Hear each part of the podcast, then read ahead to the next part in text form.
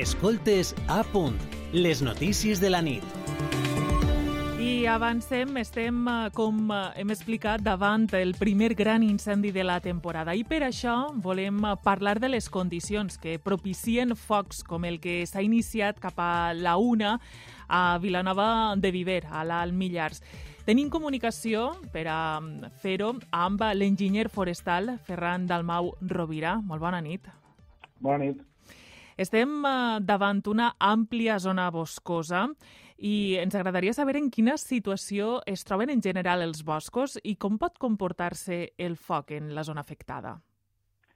Bé, una de les característiques que tenen els boscos actualment és que hi ha una quantitat importantíssima de combustible acumulat.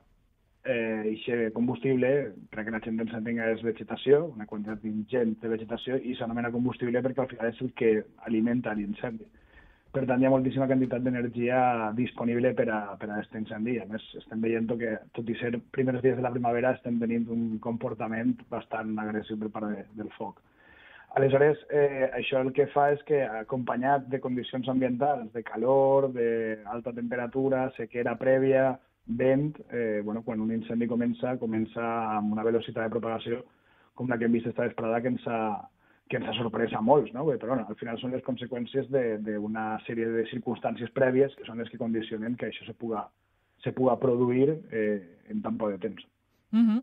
Això d'una banda, però estem parlant d'un incendi de molta virulència Eh, segons ha explicat el director general d'Interior, a causa del vent i, com comentava, del combustible vegetal que està molt sec, aquesta energia disponible no? que, que hi ha a la natura.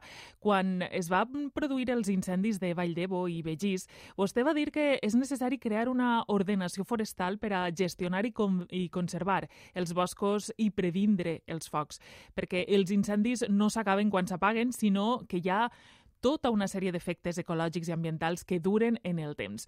Eh, ens pot explicar quins són aquests efectes perquè ens fem una idea més concreta?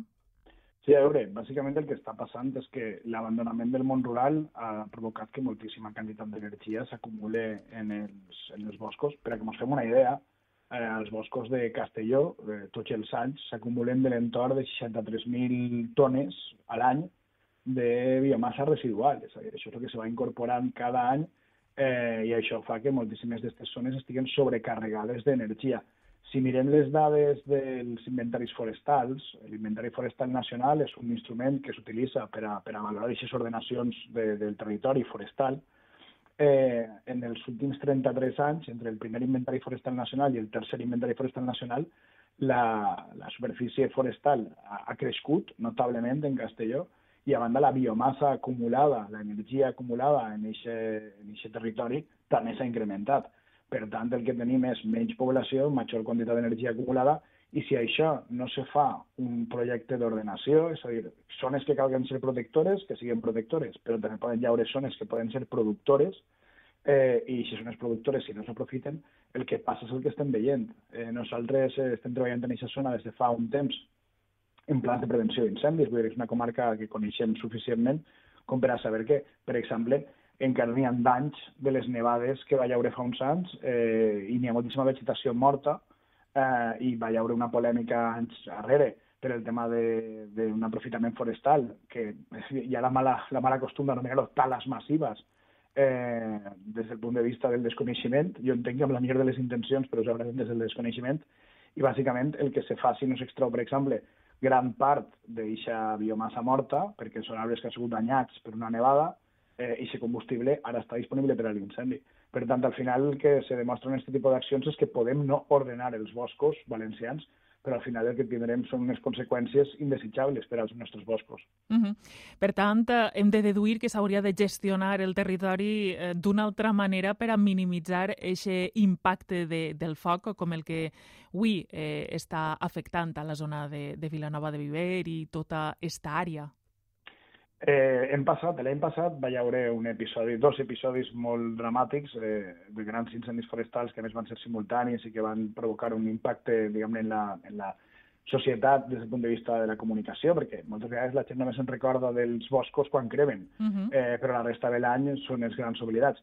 i se van articular per part de la Generalitat, per exemple, s'han articulat unes ajudes d'un fons forestal per, a, per als municipis que acaba de posar-se en marxa ara recentment i que, clar, implica eh, guany una inversió de 10 milions d'euros, l'any que ve una inversió de 20 milions d'euros i l'any següent 20 milions d'euros més. El problema és que això, eh, la política forestal no se pot revertir d'un any per a un altre, és a dir, portem dècades d'abandonament forestal, eh, dècades d'exclusió del foc, fins i tot el foc natural, quan un incendi se provoca per un llamp, és un incendi natural, i, i en aquest sentit podria ser una política forestal, bueno, ja que és natural, deixem-lo cremar si no està afectant zones poblades, etc.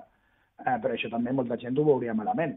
Eh, L'aprofitament d'aquesta biomassa per obtenció d'energia, l'energia està caríssima, eh, vull dir, són coses que finalment generen un problema des del punt de vista de la, de la gestió. Aleshores, aquest tipus de qüestions eh, cal abordar-les eh, en inversions i entendre que no revertirem la situació dels nostres boscos d'avui per a demà. És a dir, tenim que invertir prèviament per a poder fer eixa política forestal a llarg termini. Uh -huh. I sobretot quan pensem que les sequeres cada vegada... Ui, estàs, estàs molt sí, sol·licitat. són els nostres companys de la televisió. Vull vale, dir que... sí. Un a veure si tenen un poc de calma. Eh, estava dient que, que sobretot tenint en compte les sequeres, no? que cada vegada són més freqüents i, i allargades i les pluges més torrencials. Sí, a veure, el tema està en que una de les coses que com sembla clar que va passar al, al Mediterrani és que anem a tindre una, una menor disponibilitat d'aigua en certes parts de l'any.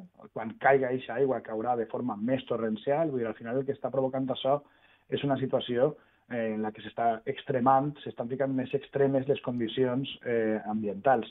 Quan faça fred farà més episodis de fred extrem, quan faça calor farà més episodis de... Al final hem, hem amollat moltíssima energia no renovable de combustibles fòssils a l'atmosfera i això ara se'ns està tornant. I també cal explicar a la societat, quan vegen eh, una actuació forestal de tallar arbres, eh, cal recordar que aquests arbres tu els talles i si després plantes més arbres ha un, és un recurs renovable, no passa res cada tona de biomassa que aprofitem, per cada 4 tones de biomassa que s'aprofiten dels boscos valencians i ens en sobra moltíssima, ens estem estalviant un litre de gasoil, amb una diferència. El litre de gasoil no és renovable i els 4 quilograms de biomassa sí són renovables. Per tant, amb una ordenació forestal adient, això ens ho podríem estalviar.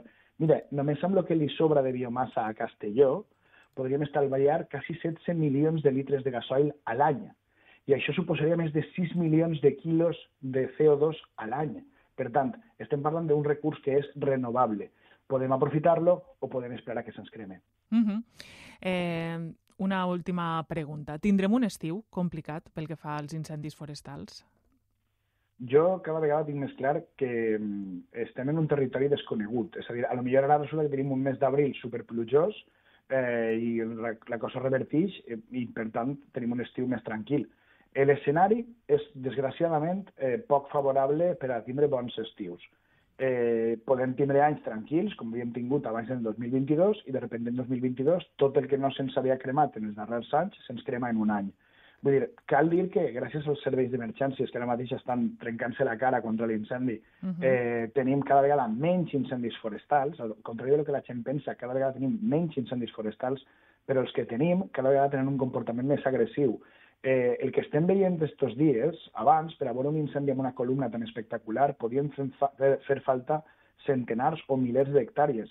Ara estem veient comportaments molt més agressius en incendis de desenes o fins i tot de centenars d'hectàrees. Incendis més menuts estan desenvolupant més potencial eh, calorífic, més potencial energètic per culpa d'aquesta acumulació. Per tant, hem d'entendre que encara és, pre, és pronte per a saber si tindrem un estiu complicat o no i que l'única cosa que podem fer per a tindre estius menys complicats, perquè el futur pinta que anem a tindre més temporades de calor, etc i l'escenari és favorable a aquests incendis, l'únic factor que podem controlar és en quin paisatge, en quin territori i en quin estat d'aquest territori anem a lliurar la batalla contra el foc. Per tant, tot allò que no gestionem nosaltres serà gestionat per el foc segurament contra nosaltres.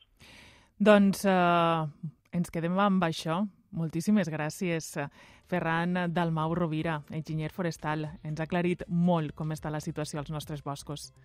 Gràcies. A vosaltres. Bona nit. Adeu. Bona nit. Escoltes a punt.